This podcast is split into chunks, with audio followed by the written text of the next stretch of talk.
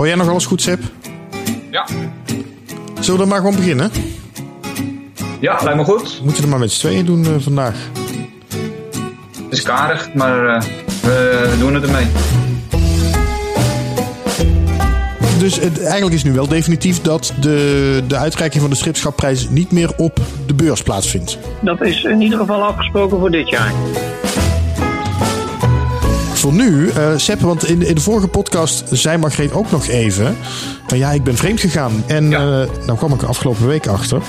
Uh, dat jij ineens ook vreemd bent gegaan. Even gewoon op, op basis van je spaarrekening een jaartje een stripblad opzetten. De, de een gaat naar een tropisch eiland, hij maakt een stripblad. Nou, inderdaad, ja. Een soort sabbatical leave. Je luistert naar een nieuwe aflevering van de Stripjournaal podcast. Leuk dat je er weer bij bent. Uh, we hebben deze aflevering weer veel om over te praten. Bijvoorbeeld het nieuwe stripblad Maxix, waarvan het tweede nummer net verschenen is. Uh, daar gaan we het over hebben. We gaan ook nog even terugblikken op de podcast van vorige week, waarin het ging over de stripschapprijs en de uitreiking van de stripschapprijs. En dan uh, zeg ik normaal gesproken altijd van ja, dat doe ik niet alleen, want dan heb ik twee hele leuke mensen voorbij me meegenomen die meedoen. Um, maar het is er maar één deze week, uh, Sep van der Kade. Ja, zeker. Ja. Want uh, dat is meteen waarom we iets later zijn met de podcast dan, uh, dan ik bedacht had. Margreet uh, heeft corona te pakken. En uh, ja, ze heeft het flink te pakken ook. En ik dacht eigenlijk, we stellen hem even uit, want dan kan ze, kan ze misschien weer meedoen. Maar ehm, nee, dat zit er niet in, helaas. Ze heeft nee, ze heeft het behoorlijk te pakken. Ja. Dat komt op een gewoon ongelukkig moment, want ze is nu. en ze wilde eigenlijk nu een nieuw album pluggen die ze heeft uitgegeven. Die is, uh, vanaf vandaag uh, is die van de persen gerold. Um, en het gaat over het Songfestival, Songfestival en Strips. En dat is haar eigen uitgave, uh, die ik dan wel mede mag distribueren en promoten. maar dat heeft ze, heeft ze, samen met Dolly Bellefleur gemaakt. ze was helemaal opgeladen om dat te gaan doen. Maar ze had ook weer zichzelf ontladen, geloof ik, door het maken van het hele gebeuren. Uh, dus ik denk dat de corona en het ongelofelijke prestatie die ze met z'n twee hebben neergezet, dat dat al haar energie heeft uh, opgebruikt. Ja, en dat ze daardoor misschien wat vatbaarder ook is geworden voor een na virus ineens. Ik denk dat je daar uh, een goed punt hebt. Ja. De weerstand was 0,0 en nou, ik heb haar vanochtend nog gesproken. En toen klonk ze buitengewoon beroerd. Dat mag je natuurlijk niet zeggen, maar dat is wel zo. Maar uh, als Margreet uh, zich beroerd voelt en als Margreet zegt tot twee keer toe: ik, uh, ik heb echt de energie niet om mee te doen aan de stripjournaal, dan, dan heeft ze het echt flink te pakken. Want ja, dan is er wel wat aan de hand, ja. Margreet wel. Ja. Ja, dat is ook zo. ze appte mij nog vanmiddag dat mensen haar kunnen helpen met beter worden door het Songfestival een stripsalbum te kopen. Want ieder verkocht album levert bij één antilichaam op. Dus hij ligt uh, vanaf deze week in de winkel, begrijp ik, Seb? Ja, hij ligt in de winkels. Uh, gewoon bij de, de, de speciaalzaken kunnen ze hem uiteraard halen. Maar ook gewoon bij de, bij de Bruna's en de ACO's. Dus de, dat is gewoon te doen. Dus ik zou zeggen, doe dat vooral en help Margreet weer op de been. Ja, heel veel beterschap Margreet. En volgende keer gaan we het uitgebreid over je Songfestival strip hebben komt er zeker aan. Um, voor nu, uh, Sepp, want in, in de vorige podcast uh, zei Margreet ook nog even... Uh, van ja, ik ben vreemd gegaan met een andere podcast. En ja. um, nou kwam ik er afgelopen week achter dat jij ineens ook vreemd bent gegaan. Hier. Spijkers met koppen. Maar Ze verschijnen beide regelmatig voor de rechtbank en kennen de verdachten van de meest aangrijpende misdrijven, eh, misdrijven in ons land heel goed. Peter R. de Vries en Alois Oosterwijk. Reden voor Seb van der Kade om hen te vragen als hoofdredacteur van de nieuwste uitgave van de Strip.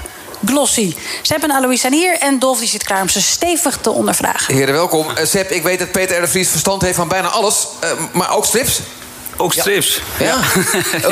dat, dat, dat, dat, weet men niet, of wist ik niet. Hoe, hoe weet jij dat? Nou, de, hij stond onder andere in de Donald Duck. Hij, uh, hij is door, ja, ja, in de Donald Duck stonden we allemaal. Oh ja? ja? Nee. Oh, Oké, okay, hij stond in de Donald Duck. Ja, maar dat is nog niet echt uh, nou, meteen... In 2017 stond hij in ieder geval in de Donald Duck. En dat was voor ons in ieder geval een trigger om te denken... Hé, hey, volgens mij heeft hij iets met strips. Ja, je zat er eens bij Radio 2. Bij Spijkers met Koppen. Ja, ja, ja, ja, ja. ja. Ik moet af en toe ook een beetje bijsnabbelen. Nou, ik wou net zeggen, is mijn podcast ineens niet meer goed genoeg. Margreet gaat er vandoor, jij gaat er vandoor. Wat is dit? Nee, nee, ik ga er niet vandoor. Ik kom gewoon terug. Ik, oh, ik eet van beide, beide walletjes. beide kantjes. maar die, uh, nou ja, maar je merkt het, uh, Dolf, uh, Dolf Jansen, die, die, die kan rap praten. Ja, ik dacht dat jij dat kon, maar inderdaad, zo, als je tegenover Dolf Jansen zit, poeh. En je komt er ook echt niet tussen dan, hè? Hij pakt ook gewoon het woord af. Ja. En geeft hij het aan Alois. En die begint dan een misdadig goed verhaal. Maar, de, nee, maar hij, hij, deed het. Het was heel erg leuk. Want Alois Oosterwijk was er dus ook. En ik was eigenlijk een soort surrogaat Peter de Vries.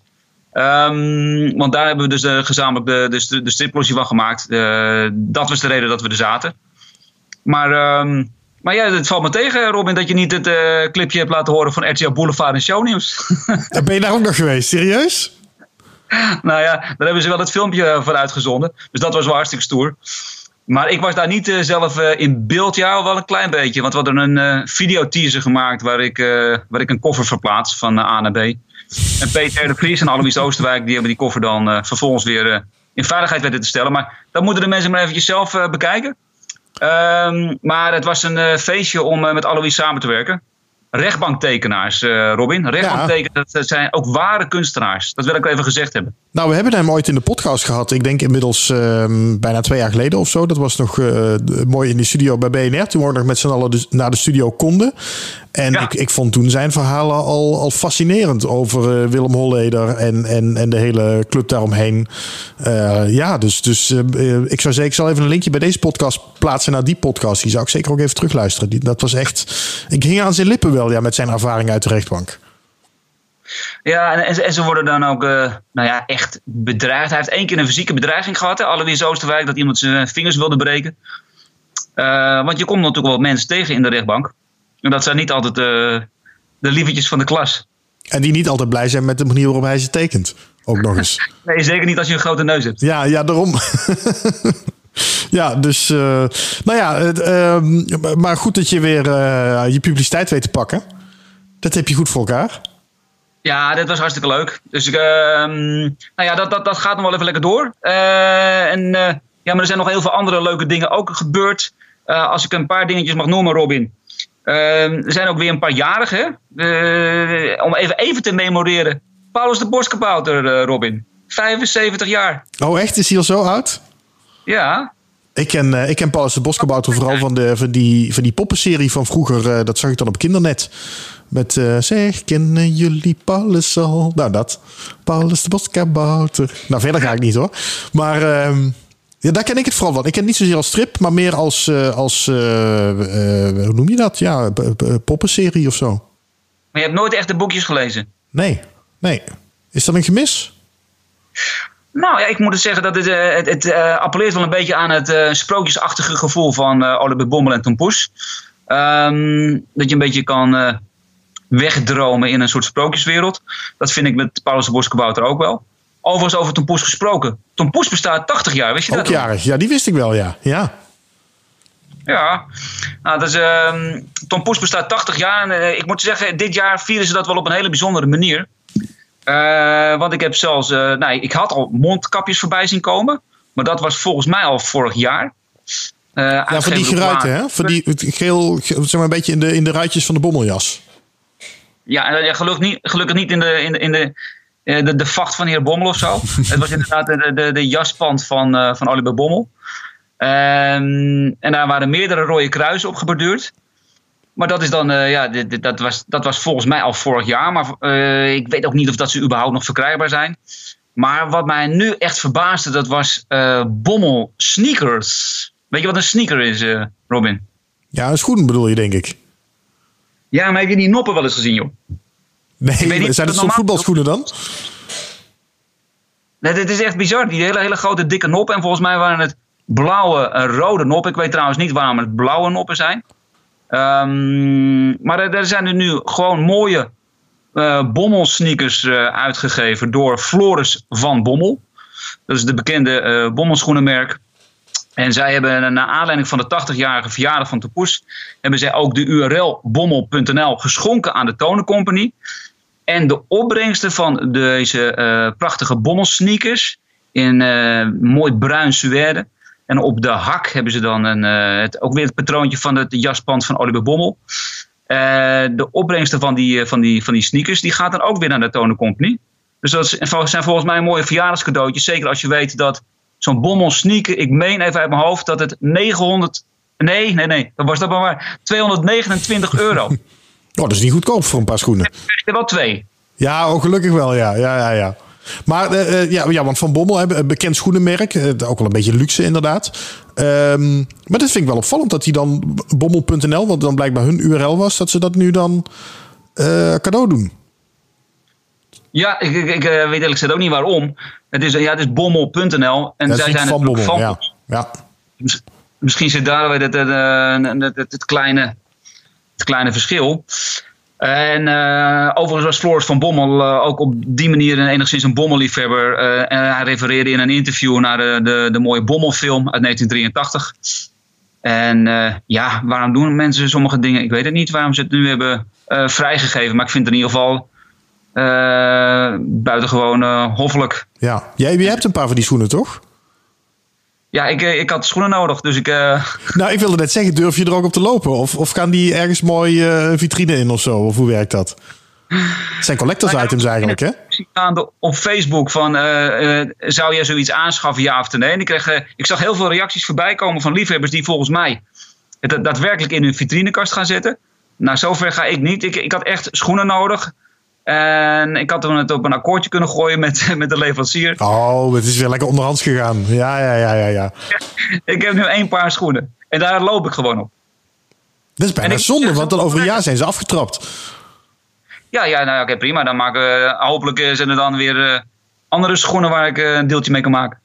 Ik denk dat er hier een paar bommelverzamelaars heel treurig van worden van deze boodschap. Zolang je niet in de poep stapt met uh, Oliver Boom, is niks aan.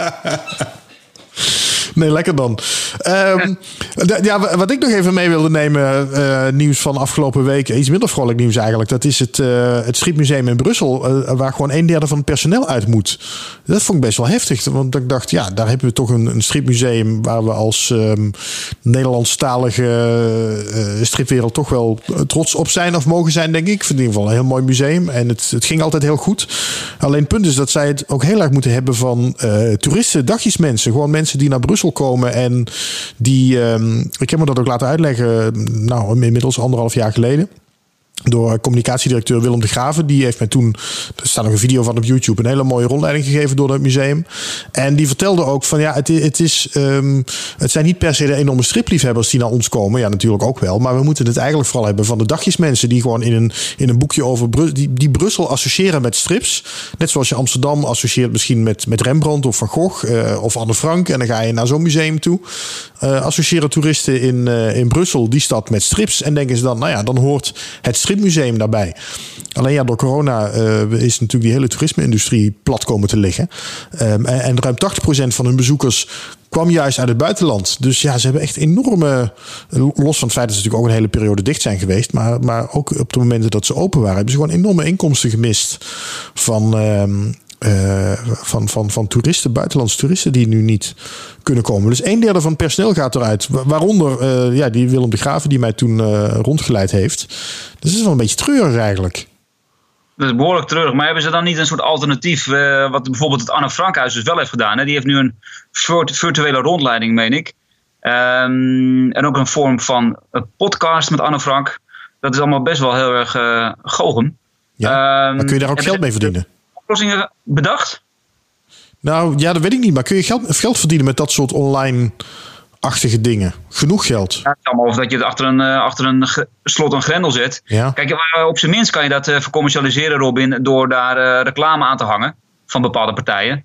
En dus op het moment dat je heel veel bezoekers trekt met zo'n online rondleiding. En nou ja, neem eventjes het Brussel Stripmuseum. En je zou daar gewoon een, aantal nieuwe uitgaven van, van mij op het Jommeke of Suske Wiske of noem het maar.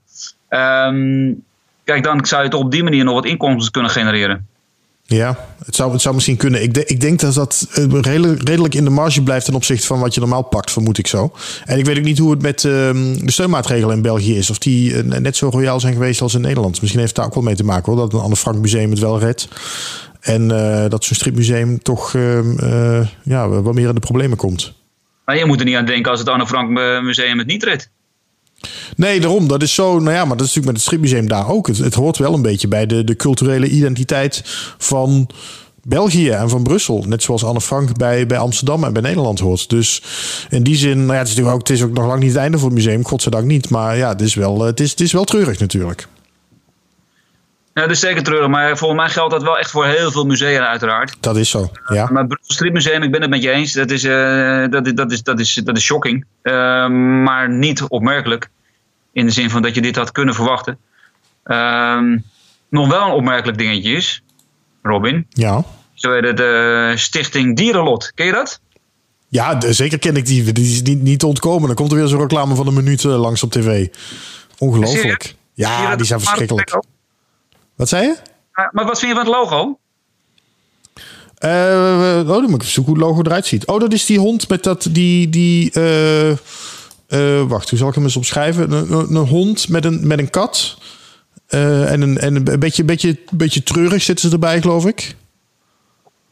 Ja, wat, wat je ziet is, er is een, een gele hond en met een, met een poes. Ja. En die poes en die hond die gaan in elkaar op. En dan wordt het eigenlijk bijna een soort rondje. Ja, ik vind het wel een mooi aansprekende logo. Dat dan weer wel.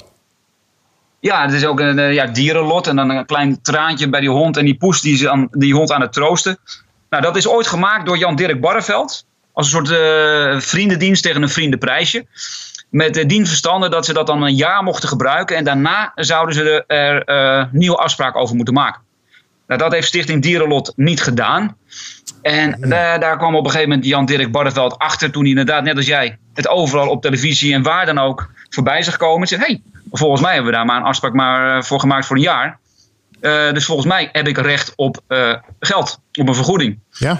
En dat heeft uh, aardig wat touwtrekkerij veroorzaakt. En toen heeft Comic House, bij monden van Hans Buijing, hebben daar een, een zaak van gemaakt. En het goede nieuws is, het is geschikt. En volgens mij was dat echt nu, en volgens mij deze afgel nou, de afgelopen week is dat gebeurd.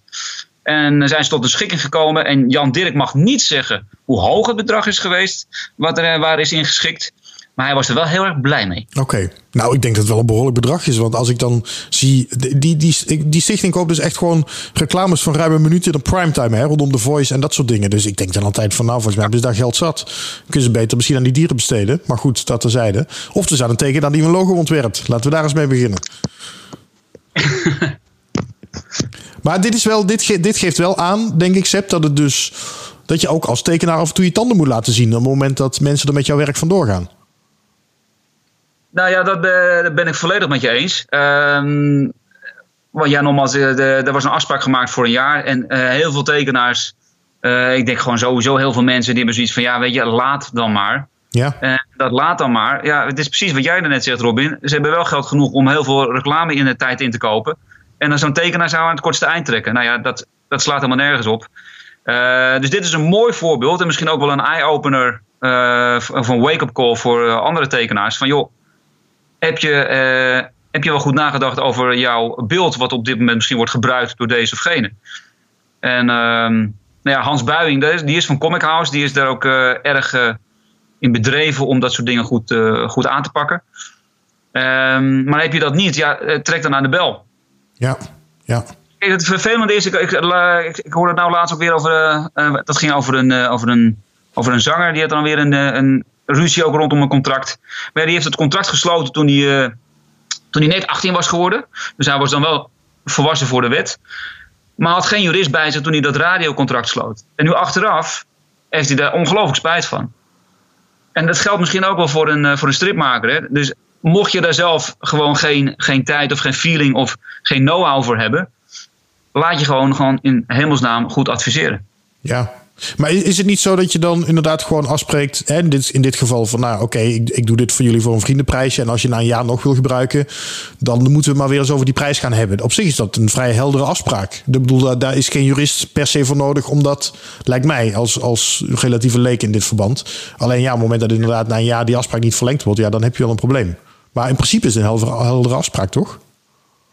Nou ja, klopt. Uh, waar overigens volgens mij Stichting Dierenlot zich op, uh, op beriep, was het feit dat het al x aantal jaren overheen waren gegaan en dat ze nog niks hadden gehoord van Jan-Dirk Barreveld. Ja, dus, alsof het een soort gewoon terecht wordt dan of zo, ja. Ja, er is een vorm van verjaring hier sprake van. Um, maar ja, weet je, dat, dat, dat, er zijn twee partijen. en de een is daar dan wat nou ja, coulant of nonchalant in. Ook daar weer een wijze les. ja, zit er gewoon bovenop.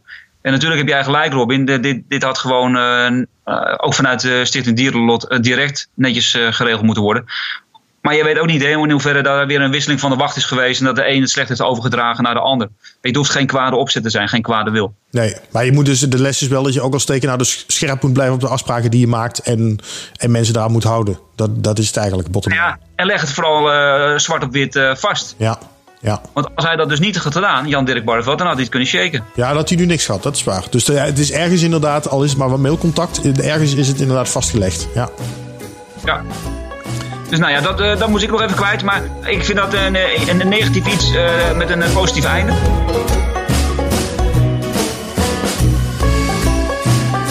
Zullen we nog even terugkomen, Seb, op uh, de podcast van vorige week?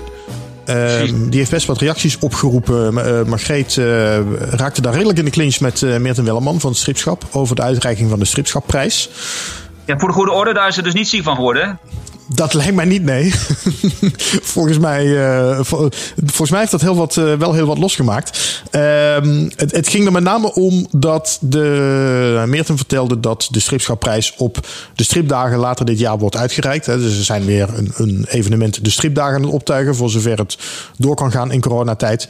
Ehm, en ehm, en, en Margreet werd eigenlijk een beetje boos om, omdat zij zei van ja, dan zijn we al zo lang bezig om, hebben we vaak discussie gehad over hoe moet die uitreiking eruit zien. Dan kan het niet iets mooier en iets leuker en moet het nou op zo'n beursvloer. En vorig jaar een mooie video gemaakt en, en al die ervaringen worden weer overboord gekieperd en het wordt weer ouderwets op zo'n beursvloer. Dat is een beetje hoe Margreet het zei.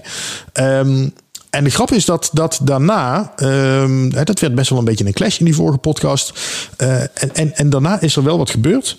En daarvoor ga ik even bellen met uh, Tom Mackay, de, de evenementencoördinator van het stripschap. Um, want er lijkt wat toch, toch iets door, door die discussie die Margreta losmaakte, lijkt er toch iets te gaan schuiven. Met Tom Mackay. Dag Tom, met Robin van. Hi. Hey, fijn dat we je even kunnen spreken, Tom. Um, ik, ik, had het er net over dat de discussie die vorige week ontstond tussen uh, Margreet en uh, Meerten uh, over hoe de stripschapprijs uitgereikt zou moeten worden, dat dat wel ervoor gezorgd heeft dat er toch wel iets gaat veranderen in die plannen. Um, ja. En daar bel ik jou voor. Kun jij uitleggen wat, wat nu het idee is? ja, dat kan ik. Ik ben sinds vorig jaar de evenementencoördinator van het stripschap. En uh, ik zag op Facebook zag ik die discussie langskomen. Dus toen heb ik even uh, geluisterd. En toen dacht ik, ik ga dit gelijk oppakken.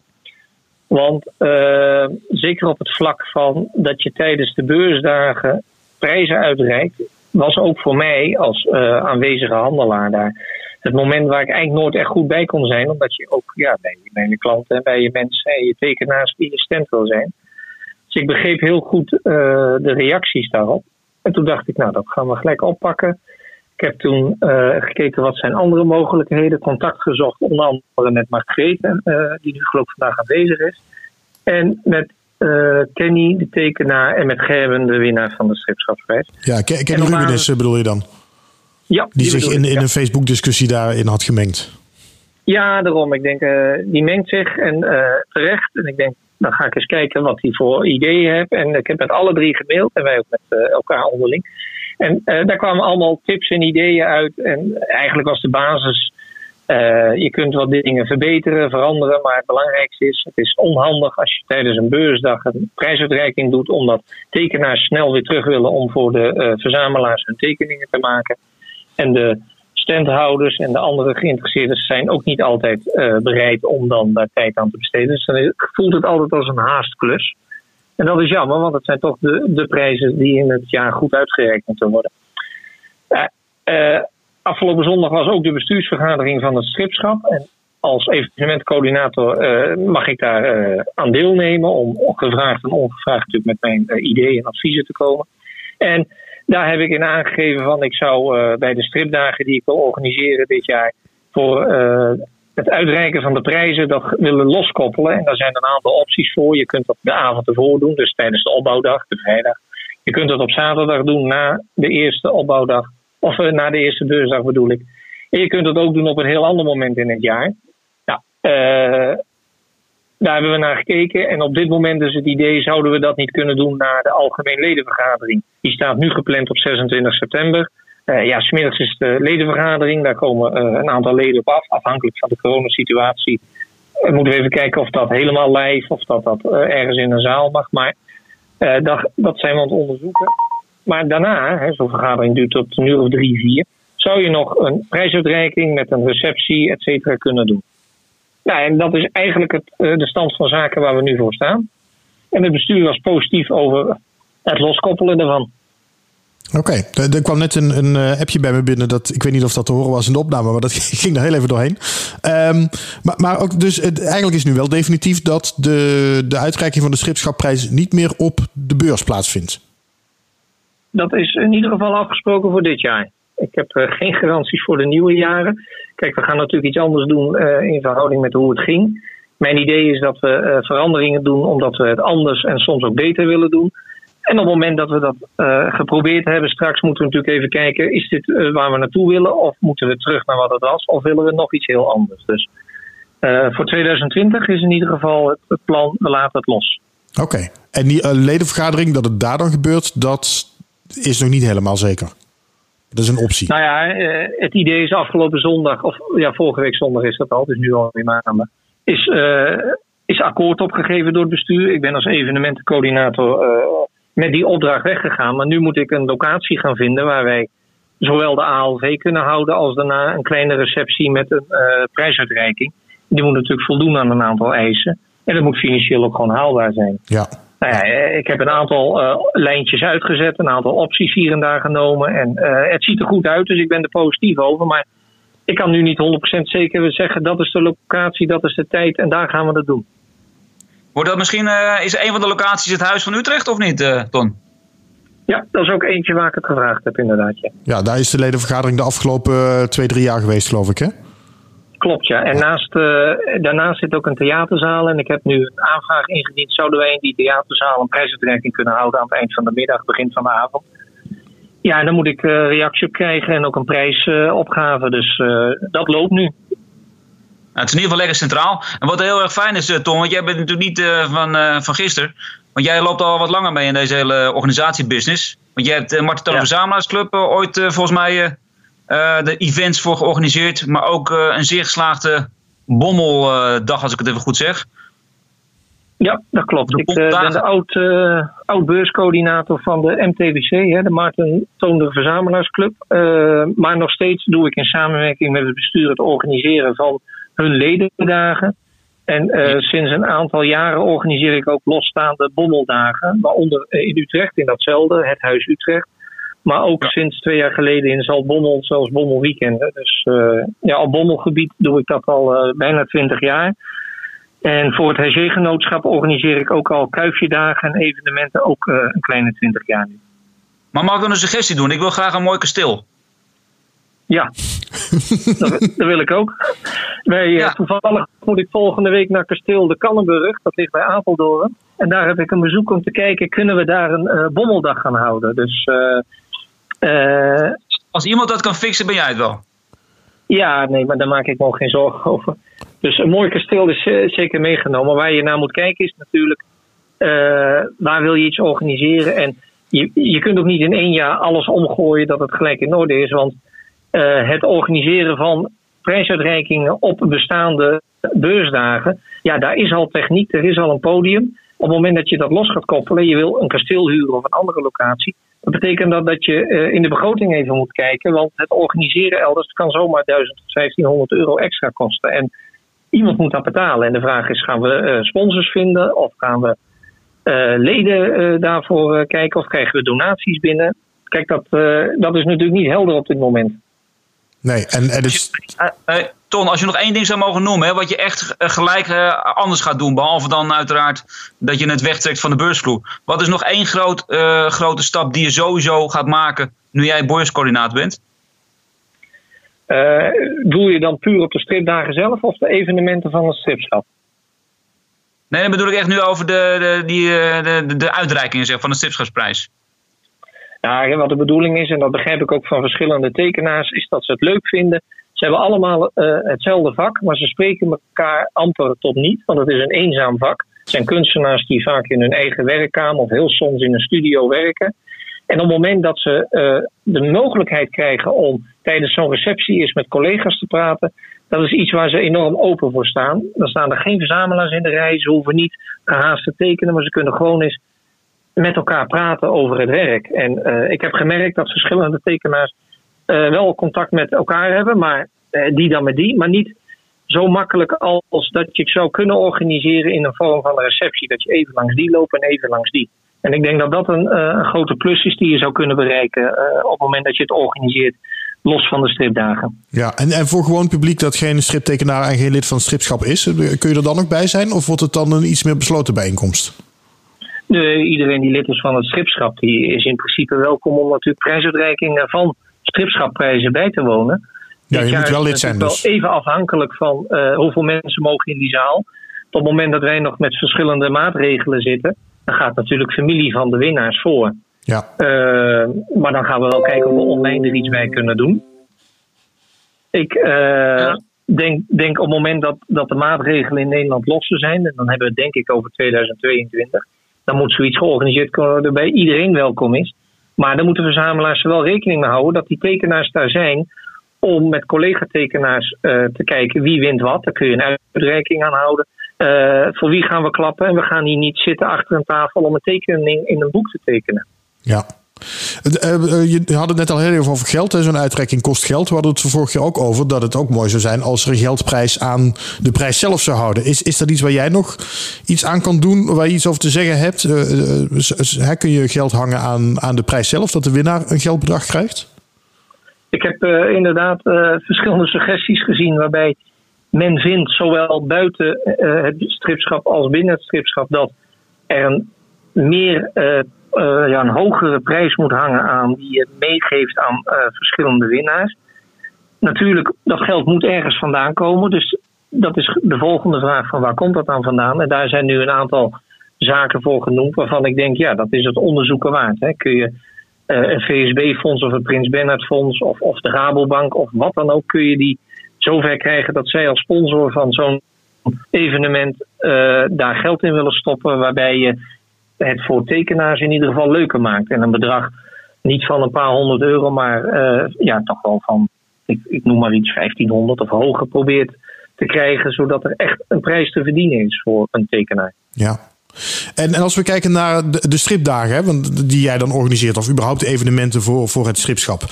Um, er is natuurlijk, eh, vorig jaar, twee jaar geleden, zijn de stripdagen samengegaan met de Comic Con. Dat is daarna weer misgelopen. Maar die samen, samengang met de Comic Con was juist met het idee van, nou ja, we kunnen het eigenlijk niet meer standalone organiseren. We moeten ergens bij aanhaken. Dan, dan kunnen we ook een beetje de, de, de doelgroep vergroten. En uh, uh, we, we redden dat eigenlijk niet meer alleen. nu komt er dus toch weer een standalone standalone stripdagen aan. Ja, als je ziet dat de samenwerking met de Comic Con uh, uiteindelijk niet de doelen heeft gehaald die het bestuur van het stripschap zich hadden voorgesteld. En de vrijheid en de organisatie die ze zelf nog in handen wilden houden ook afgenomen werd omdat je helemaal in een keurslijf moet zitten die voldoet aan alle eisen die gesteld worden door een organisatie zoals Easyverse die dat doet om een Comic Con te organiseren. Dan moet je op een gegeven moment afvragen, is dit nou uh, het resultaat wat we wilden bereiken? Of is het beter om op een andere manier dat te doen? Een van de opties is ook geweest: moeten wij nog wel stripdagen organiseren? Ook dat is gewoon besproken met de leden. Uh, met de komst uh, van mij vorig jaar en aangegeven van volgens mij kun je die stripdagen wel organiseren, maar is het goed om op een andere manier te kijken van hoe kun je voor je leden iets doen? Heeft het bestuur nu gezegd: wij hebben er vertrouwen in om te kijken of wij de stripdagen weer op een bepaalde manier kunnen neerzetten. Nou ja, uh, aan mij de taak om dat te proberen. Ik kan niet garanderen dat het lukt, maar ik heb wel een aantal ideeën en wensen en probeer dat uh, over te dragen. En een ander groot voordeel is, ik zit natuurlijk al, wat Seb net zei, uh, ik loop al een tijdje rond in de stripwereld en vrijwel iedere collega, handelaar of winkelier, uitgever, ja, die moet ik wel kennen of ken ik bijna. Dus de contacten worden wel een stuk makkelijker op het moment dat de beurscoördinator iemand is die ook midden in de stripwereld rondloopt. Ja. Dus ik zie daar wel voordelen van. En, en kun je iets zeggen over de ideeën en, en plannen die je hebt? Nou ja, wat ik heel belangrijk vind is, ik heb zelf uh, de laatste twintig jaar deelgenomen als, uh, als handelaar, laatste jaren zelfs als uitgever. En wat ik uh, een van de grootste nadelen vond, is dat door de vele wijzigingen was er geen vastigheid voor de stripdagen. De stripdagen hebben plaatsgevonden in verschillende steden, zoals Houten en Rijswijk. Ik heb nog in de Brabanthallen gestaan, nou ja, nu met Comic Con samen. ik heb het bestuur aangegeven van het zou mooi zijn als het stripschap de stripdagen organiseert op uh, een vast moment in het jaar. Rekening houden met onze collega's, hè, zoals in Breda of in Eindhoven, zodat je niet in elkaars vaarwater zit. En je probeert dat ook in één stad te doen. Dus dat uh, iedereen weet, elk jaar, uh, bijvoorbeeld elk jaar in september zijn de stripdagen in. Nou ja, ik heb nu Rotterdam aangegeven als een zeer geschikte stad. Dus ik ben in gesprek met verschillende cultuurmedewerkers van de afdeling bij de gemeente. Om te kijken van kun je dat zo koppelen dat daar een vastigheid ontstaat. Dan kun je dan binnen twee of drie jaar groeien naar een evenement zoals het ooit was. Met veel tekenaars, veel activiteiten en veel bezoekers. Sepp wilde nog iets zeggen, geloof ik, net. Sepp? Ja, nou ben ik het even vergeten. Oh, ja, ik zag jou echt zo. Ik wil wat zeggen. En toen was je weer weg. Je komt er niet tussen bij mij, hè? Nee. Jammer.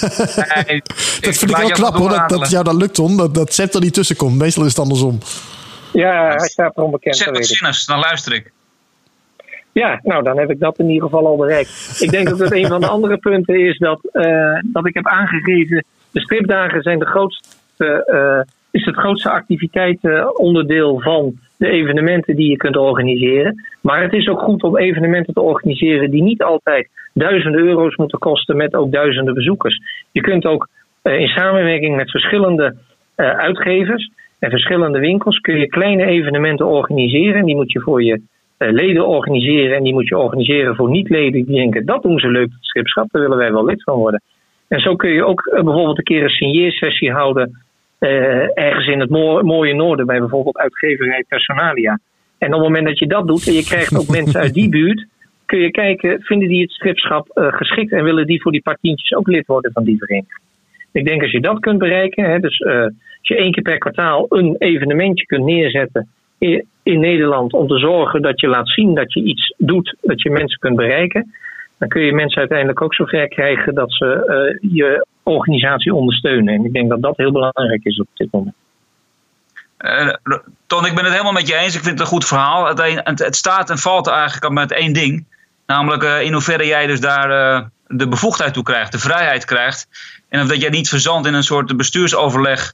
Waardoor jouw slagvaardigheid, die je altijd aan de dag legt, dat die wordt, wordt belemmerd. Nee, nou het grote voordeel is dat ik bij mijn aantreden heb aangegeven dat ik niet in het bestuur wil. Ook niet om te veel dubbele petten te hebben. en dat ik op basis van de ideeën plannen schrijf en die voorstellen aan het bestuur. Waaronder ook het plan wat ik hier net heb verteld. En het bestuur uh, kan daarover met elkaar discussiëren. En uh, dan komt daar een bestuursbesluit uit. En dat bestuursbesluit betekent dat ik aan de slag kan en dat ik niet mee hoef te discussiëren. Dus dat scheelt voor mij in ieder geval een heleboel, uh, wat je al zei, bestuurslagen. Plus, ja. het moment is nu denk ik ook daar dat het stripschap weer meer kan. Zij hebben jarenlang met uh, veel te weinig mensen, een heel klein bestuur. Hè, Meerte, Margreet, uh, Aad zat er in de tijd bij. Uh, in dit geval ging het dus om een andere Margreet dan die bij jullie zit. Hebben zij ja. dat stripschap overeind moeten houden. En dan doe je allerlei beloftes en heb je een heleboel ideeën. Maar je kunt met drie mensen niet doen wat je zou willen. En nu ze met zeven mensen in het bestuur zitten, merk ik nu al zelf na één jaar dat er veel meer plannen sneller van de grond komen. Dat uh, het ook makkelijker is om bijvoorbeeld voor meer zaken te delegeren. Want hij ziet, hé, hey, daar staan goede mensen op. Ik laat dat gaan en dat is een mooi onderdeel wat past bij het stripschap. En ik, heb, ik loop nu een goed jaar mee. Ik heb nog weinig kunnen doen, want de stripdag die vorig jaar in november gepland was, die moest ook door corona geannuleerd worden. Maar ja. ik heb wel gemerkt, dus als je met een goed plan komt, dan is het bestuur eigenlijk vrij snel uh, mee. Natuurlijk vraagt de penningmeester even om een financieel plaatje erachter. En op dat moment is er eigenlijk een go en dan kun je gaan. Dus het organiseren van vier evenementen per jaar, daar is nu al ja tegen gezegd. Dus wat mij betreft, als corona een beetje meewerkt met ons, gaan we in het derde en in het vierde kwartaal dit jaar al uh, de eerste twee evenementen neerzetten. En eentje is dan de stripdagen en de ander, dat is dan die ledenvergadering bijvoorbeeld? Met die prijsuitreiking? We willen gekoppeld ja, de, de ledenvergadering en de prijsuitreiking. We zitten kijken eh, op, op dat koppelen met wat uh, signeersessies, met een tentoonstelling. Zodat het net iets meer uh, inhoud krijgt. Waardoor mensen niet alleen maar anderhalf uur meekomen praten over de verhalen van het bestuur over de club. De meeste leden die vinden dat wel best. Maar dat er net iets meer te, te vinden en te krijgen is voor ze. Ja. Nou, ik ben heel erg benieuwd, Ton, hoe dit gaat lopen. Ik, ja. ja ik vind het wel een mooi plan in ieder geval. Ja, nou, ik, ik ook hoor. Ja, Wil je nog een oproep doen voor vrijwilligers, Ton? Want die heb je ongetwijfeld nodig. Ja, het is uh, inderdaad zeer goed als mensen iets zouden willen betekenen voor het stripschap. Dat ze van harte welkom zijn. Het stripschap wil op ieder strip-evenement aanwezig zijn. Om alleen al uit te dragen waarvoor ze zijn. Dus als straks kampen door mag gaan of op Fantasyfest. Dan is het goed om mensen te hebben die daar gewoon helpen. Die achter de stand zeggen: Dit is een leuke club, daar zou je bij moeten komen. En dit krijg je ook van de club. Hè. Je betaalt er wat voor. Maar je krijgt uh, clubbladen, je kan uh, handtekeningen bij, bij, tekenaars halen. En je kan gratis naar binnen bij de stripdagen. Nou ja, al dat soort voordelen. Daar kun je uh, vrijwilligers voor gebruiken. En straks op de stripdagen zelf, ja, dan moeten we natuurlijk op 5000 vierkante meter zorgen dat het één groot stripfeest is. En daar heb je ook een hoop handjes bij nodig. En ik moet natuurlijk straks kijken wie zijn er overgebleven. Want door de samenwerking met Comic Con is die groep een stuk kleiner geworden. Omdat Comic Con een heleboel activiteiten had overgenomen. Ja, waar kunnen mensen zich melden? Die kunnen zich rechtstreeks melden bij evenementencoördinator van het stripschap. Dus uh, dat gaat via info.stripschap.nl. Info.stripschap.nl voor uh, mensen die graag mee willen werken. Dankjewel Ton voor deze toelichting.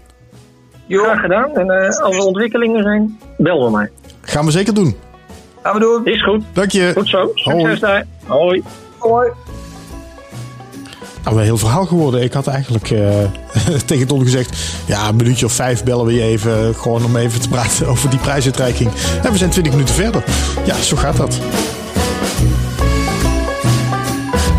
Um, laten we gauw doorgaan, uh, Sepp. Want uh, we wilden het ook nog hebben over het nieuwe stripblad. Max 6. 18 maart is het eerste nummer verschenen. En het heeft strips van onder andere Daniel van den Broek... Robert Dame, Willem Ritstier, Michiel Offerman... 68 pagina's, 7 euro. Um, nou, een nieuw stripblad, dat vindt uh, Sepp van der Kade natuurlijk sowieso interessant. Uh, ja, meer. Ja, toch? Dus ik dacht, ik ga eens even bellen met uh, Dirk Graaf, de man achter Maxix. Ik hoop dat hij nog opneemt, want ik ben weer, ben weer wel later dan afgesproken. Dit begint een beetje standaard te worden. Maar dat krijg je dus als je ineens 20 minuten met Tom McKay aan de lijn zit. Hallo, de Graaf. Dag Dirk, met Robin Vink van Stripjournaal. Ah, goedemiddag. Ik heb ook uh, Sepp van der Kade aan de lijn aan de andere kant. Hoi Dirk. Kennen jullie elkaar eigenlijk? Uit het, uit het, zeg maar, een beetje het bladenwereldje? Ik denk niet persoonlijk, nee. Nee, we hebben niet persoonlijk. Nou ja, we hebben inderdaad wel contact, Robin, als je dat uh, wilde weten. Maar we hebben elkaar nog nooit in de levende lijf ontmoet. Maar wel via Zoom hebben ja, Dirk okay. en ik al het een en ander uitgewisseld. Ja, elkaar in levende lijf ontmoeten is een beetje moeilijk de laatste tijd, hè? Nee, daarom. En we, we, we, hebben wel een samenwerking lopen tussen de, tussen de verschillende bladen. Jump, Stripglossie en uh, Maxis. Dus dat, uh, en dat uh, loopt goed. Oké. Okay. Daar ken ik Dirk van. Nou, ik ben benieuwd, uh, Dirk, want we hebben natuurlijk, nou, Shep noemt al Stripglossy Jump, we hebben de Eppo, we hebben Zonne 5300. Ehm, ik weet eigenlijk niet, ik heb even niet helemaal scherp wat er in België en stripbladen Robberdoes bestaat, volgens mij nog steeds. Um, in ieder geval, jij zag ruimte voor een nieuw stripblad. Waarom? Waarom? Ja. nee, in, Vlaanderen is er eigenlijk niet zo heel veel. Hè. Um, die bladen van, uh, van SEP verschijnen hier ook wel, maar die zijn toch meer gericht op de Nederlandse markt. En ja, ik, ik, ik zeg daar toch nog een, een, een, mogelijkheid om een blad ernaast te maken dat toch een beetje anders is. Uh, van, van gebrachte strips en van, van uitstraling en daarom. Ja, en, en, en want ik, ik noemde net uh, Daniel van der Broek, Robert Dame, Willem Ritsier, Michiel Offerman. Dat zijn allemaal Nederlanders. Of komt dat omdat ik misschien een hmm. beetje het, ergens mijn informatie van een Nederlandse site heb geplukt en mis ik nu de hele leuke Vlaamse tekenaars? Nee, het is een beetje 50-50. Um, dus het origineel werk dat we brengen uh, is, is uh, de helft tekenaars uit Vlaanderen, de helft Nederland. Ja, en, en die naam Maxix, waar komt dat vandaan?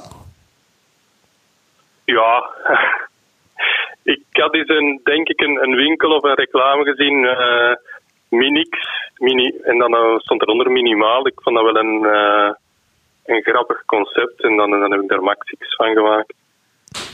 De, de, ondertitel staat ook dan maximaal beeldverhaal. Dat rijmt dan nog een beetje op. Ah, op die manier. En, en, wat, en wat is het? Uh, zijn het allemaal zijn het vervolgverhalen, avonturenstrips, gagstrips? Wat, wat, wat staat er in jouw blad? Ja, ik denk dat we, we brengen altijd drie of vier vervolgverhalen. En dan altijd direct flinke porties, dus een, een, een, tiental bladzijden per keer. Dus een, uh, een, een, standaard stripverhaal van, van een 45 bladzijden hebben we dan op, op vier, af, brengen we dan in vier afleveringen, dus op vier maand. Daarnaast zijn er weerkerende korte strips, Barista of Ridiculant van Wouter Goudzwaard. En dan brengen we ook nog een aantal uh, kortverhalen. Um, eigenlijk is ja, die strips die je genoemd hebt van Michiel Offerman of van Daniel van den Broek, zijn geen vervolgverhalen, zijn telkens afleveringen van, van een tiental bladzijden. die we dus ja, in één keer brengen als, als een kort verhaal. Ja, je, je bent uh, in um, begin dit jaar begonnen, februari, maart geloof ik. Uh, midden in allemaal lockdown-regels, winkels dicht, zowel in Vlaanderen als in Nederland. Dat, dat lijkt me niet het meest ideale begin eigenlijk.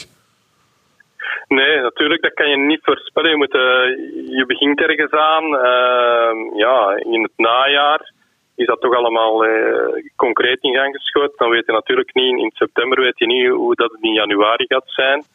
Ehm, in Vlaanderen viel het nog mee. Ehm, die periode was er wel uh, ja, een, lichte lockdown, maar de, de winkels, uh, stripwinkels, boekenwinkels uh, en, en, de zaken waar wij verdeeld worden in Vlaanderen waren gewoon open. In Nederland was het natuurlijk een, andere, een andere zaak. Daar was het wel, wel een stuk strenger. Ja, maar dat, dat, is een beetje het verschil. Hè. In, in, uh, in Vlaanderen wordt een stripwinkel en boekwinkel als een essentiële winkel beschouwd. Um, dat is een beetje een, ons geluk geweest uh, hier. Ja, daar is hier ook wel veel discussie over geweest, uh, kan ik je vertellen. Um, ja. Maar um, je, je, richt je ook vooral op Vlaanderen, als ik het goed begrijp. Dus dat, dat, dat was dan meer geluk bij een ongeluk? Of kan ik daar iets Nee, zo, zoals de die we brengen, 50-50, uh, richten we ons ook op Nederland. En voorlopig ons abonnementenbestand is, is ook een beetje uh, redelijk verdeeld. Dus, en hoe is je uitzet nu, Dirk? Is dat, hoeveel, hoeveel exemplaren zet je nou uit in Nederland? Hoe, hoe, hoe wil je dat zeggen? Hoeveel exemplaren zet je uit in Nederland? Ja, daar worden we verdeeld via, via Betapress. Uh, dus dat, dat is toch uh, een aantal duizend exemplaren. En dan ja, dat, uh, de abonnementenwerking, dus dat, dat, dat ze naar het abonnees verstuurd worden. Maar heb je dan niet je oplagen ook bijgesteld door de hele lockdown? De, de, omdat zij hem gewoon niet uit kunnen zetten of uit konden zetten in de winkels? Ja, voorlopig niet. Um, zij hebben ja, eerst voor het eerste nummer hebben ze eerst twee weken gewacht en dan hebben ze een, een gedeeltelijke uh, uitgave gedaan. Ja, is natuurlijk allemaal een, een, streep door de rekening, maar ja, um, dat is ook weer zaken die een, een beetje op voorhand uh, vastgelegd worden. Ja, ik hoorde van diverse mensen dat jij in principe uh, voldoende vlees op je botten hebt om een jaar lang vol te houden. De, ja, dus dat, dat, had je corona daar mee geprobeerd? Wat bedoelt? Had je, dat je een jaar lang, heb ik begrepen, dat jij uh, voldoende ja. uh, financiële buffer hebt weten te creëren om een jaar lang dit in ieder geval te doen? Ga je dat nog steeds dus halen met deze corona-ellende? Ja, tuurlijk. nee, nee, we, die engagementen zijn er. Uh, een, een, aantal strips zijn al ja, in de maak of zijn al gemaakt. Dus dat, dat, dat, dat is geen probleem. Uh, dus een hele belangrijke vraag die hoe heet het, in, de, in de markt hangt. En ik ga hem gewoon lekker stellen, want heel veel mensen hebben die vraag nou eenmaal. Oh jee, nu komt het hoor. Ja, heb je, heb je een erfenis gekregen of een subsidie? Maar hoe kom je in hemelsnaam aan dat bedrag om überhaupt dit te kunnen doen? Want ik weet dat het rete veel geld kost. Ja, goedkoop is het niet, hè, maar uh, wij werken zonder subsidie. dus ja, het is mijn geld. dus je hebt Ja, het, is, het is gewoon helemaal je eigen geld. Dus gewoon, nou, dat vind ik knap. Gewoon een goede spaarrekening. Goede spaarrekening, Inderdaad. Maar het, het, het, het, het blad is ook met uh, 7 euro, vind ik niet goedkoop voor een stripblad. Dat, dat moet ik wel zeggen. Dus het is wel, ik denk van, oh, je hebt er bijna een heel album voor. Ja, het is inderdaad. Maar ja, um, we hebben de optie genomen om, om toch een, een heel aantal pagina's te nemen. Um, omdat het maar een maandblad is, um, vind ik dat wel belangrijk dat dat er een beetje lees aan is. Dat de mensen er, er toch wat in, in, uh, mee verder kunnen. Ja, en dan, dan moet je de rekening maken. Uh, ook omdat we eigenlijk praktisch alleen strips brengen. Dus ja, elk nummer hebben we toch, uh, we hebben 68 bladzijden. En een, een 64 bladzijden daarvan is, is toch gevuld met strips. Ja, uh, en, en, die mensen krijgen ook een plaatprijs van ons. Uh, dus ja, dan, dan moet je de rekening maken. moeten we toch dat een beetje doorrekenen. Maar ik denk dat 7 euro voor 68 bladzijden en wat erin staat, dat dat een, een redelijke prijs is. En zijn het allemaal nieuwe strips of, of zijn het ook al bestaande strips? Ja, de vertaalde strips zijn, zijn natuurlijk al, al bestaande strips, maar die nog nooit in het Nederlands uh, zijn verschenen. Dus we brengen uh, Jules van Emile Bravo of uh, Hell School van Ernst du, Dugommier. Dat zijn toch, toch Franstalige tekenaars die, die al wat werk in het Nederlands hebben. Denk maar aan Emile Bravo met uh, Robbedoes nu. maar die strips die wij brengen zijn nooit vertaald geweest. Nee. En met hoeveel mensen doe je dit nou? Want dit is een uh, ongelooflijke grote klus. Wie zit er allemaal ja, aan, ben... aan, verbonden aan deze, aan deze Maxis? Ik en dan uh, mijn zus, maar dat is enkel een beetje um, correctiewerk, want zij is uh, Germaniste van opleiding. En dan Niek Herms, Hermsen uit Nederland, die doet de, het stripgedicht elke, elke maand. Mm en die helpt mij ook met de, met de vertalingen van, het, van de Franstalige strips. Maar zei je nou stripgedicht? Ja, een stripgedicht. Oh, grappig. Dus uh, hij maakt een gedicht, dus hij is, is uh, ja, dichter onder andere. en hij heeft zich onder andere gebaseerd op Zwart kijken van Franquin. Of een, een, gedicht en een, een strip van Edmond Baudouin. En het volgende nummer eh, heeft hij een gedicht gemaakt rond inspecteur Netjes van Hanko Kolk. Leuk. Oh, daar ben ik benieuwd. Die ken ik dan weer uit de jump. Ja, precies. Maar, maar, maar, nog even, nog even eh, voor de duidelijkheid. Dus de, de vormgeving, de redactie, de, het uitgeven, de distributie, de sales, uh, de, de promotie. In principe doe je dat vrijwel allemaal zelf. Ja. Klinkt als een flinke klus. Dan doe jij eigenlijk niks in vergelijking tot wat eh, Dirk doet. Ja, dankjewel. ik, vind het al, ik vind het al zwaar genoeg om eh, elke keer zo'n podcast te maken.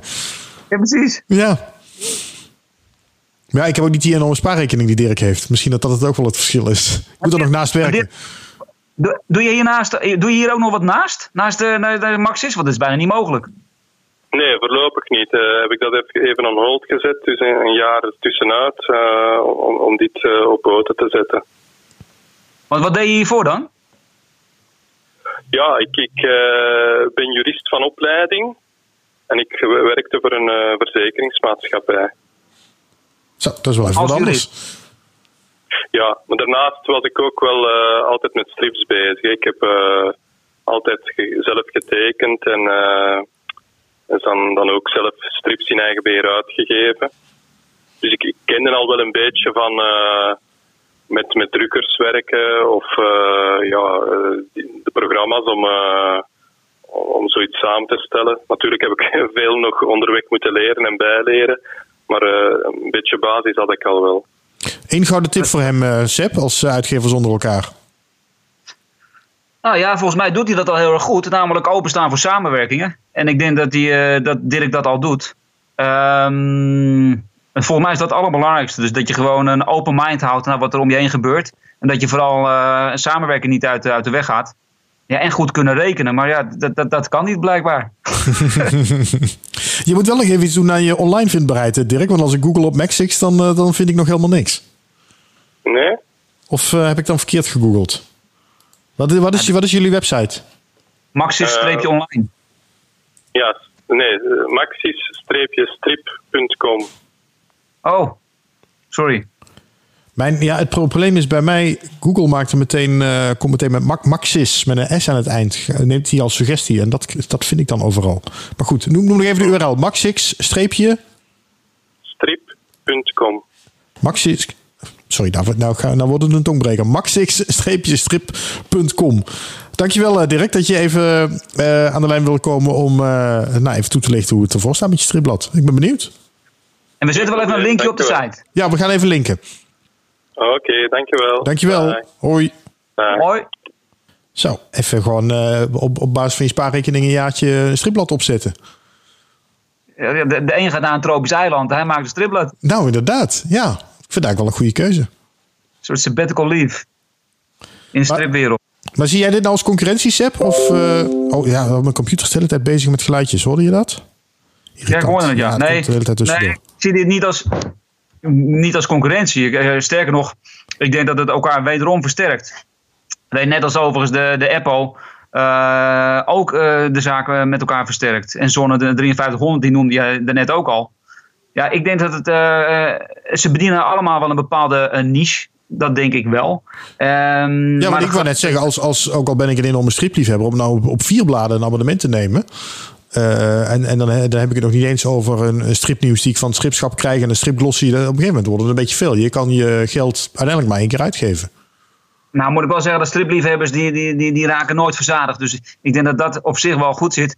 Maar natuurlijk heb je wel een punt. Maar ik, wat ik al daarnet al aangaf, er, zitten heel veel verschillende niche-aspecten aan die bladen.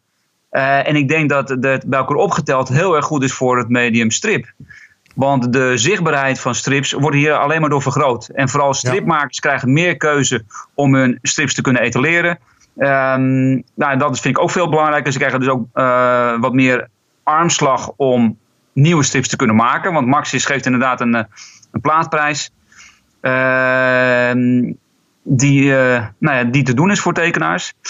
En ja, kortom, ik denk dat het alleen maar heel goed is. We krijgen gewoon meerdere platforms om strips te kunnen etaleren. Dat is goed voor de stripmakers. En als het goed met de stripmakers gaat, is het goed voor de strip. Ja, ik hoop dat het ook weer een beetje goed gaat met onze eigen stripmaker Margrethe Heer. Dat ze de volgende keer gewoon weer bij kan zijn. Ja. Hoe leuk je er ook uitziet, Robin, maar Margreet mis ik wel. ja. Nou, we, gaan, eh, we moeten even kijken wanneer we er weer zijn. Want ik vind het wel heel leuk als Margrethe weer bij is volgende keer. Dan kunnen we aankondigen wie de volgende gast wordt? De volgende keer bij de volgende podcast uh, is Gerrit de Jager ons gast. Want hij oh, uh, oh, oh. komt met. Ja, oh ja, je doet een applaus. Deze. Zo. Want um, Gerrit de Jager komt met een heel mooi uh, boek uh, over muziek. Muziek en strips. En nou, daar ben ik heel benieuwd naar. Dus volgende keer gaan we Gerrit de Jager eens even flink bevragen. Ja, lijkt me leuk. Ondertussen uh, heb ik trouwens ook nog, uh, want we hebben het niet meer gehad over uh, de pitch, waar we het vorige keer over gehad hebben. De strip pitch. Mensen die kunnen pitchen als ehm, voor debutanten en mensen die crowdfunding hebben. Als je in een pitch van een minuutje, en we praten er daarna nog even door, graag wil laten weten wat je gemaakt hebt of waar je crowdfunding voor opstart, pitch.stripjournaal.com. Dan uh, kun je meedoen, kom je in de podcast, uh, kun je pitchen. En verder, mocht je nog vragen of opmerkingen hebben, altijd leuk. Uh, Twitter, stripjournaal1, Instagram, stripjournaal, facebook.com slash stripjournaal kun je het ook vinden. info.stripjournaal.com om te mailen. Nou, dan hebben we de hele riedel wel gehad, geloof ik. Um, nou, vind ik leuk als je een berichtje achterlaat. Dankjewel. Oh, Hartstikke goed. Wat was dat, Sip, voor geluid? Oh, je komt ineens heel hard binnen. Nou, tijd om af te sluiten. Ja. Ik allemaal telefoontjes, dus het is tijd om af te sluiten, okay. Robin. Oké, okay, ik ga je rust laten. Doei. Hey, pas op, hoi.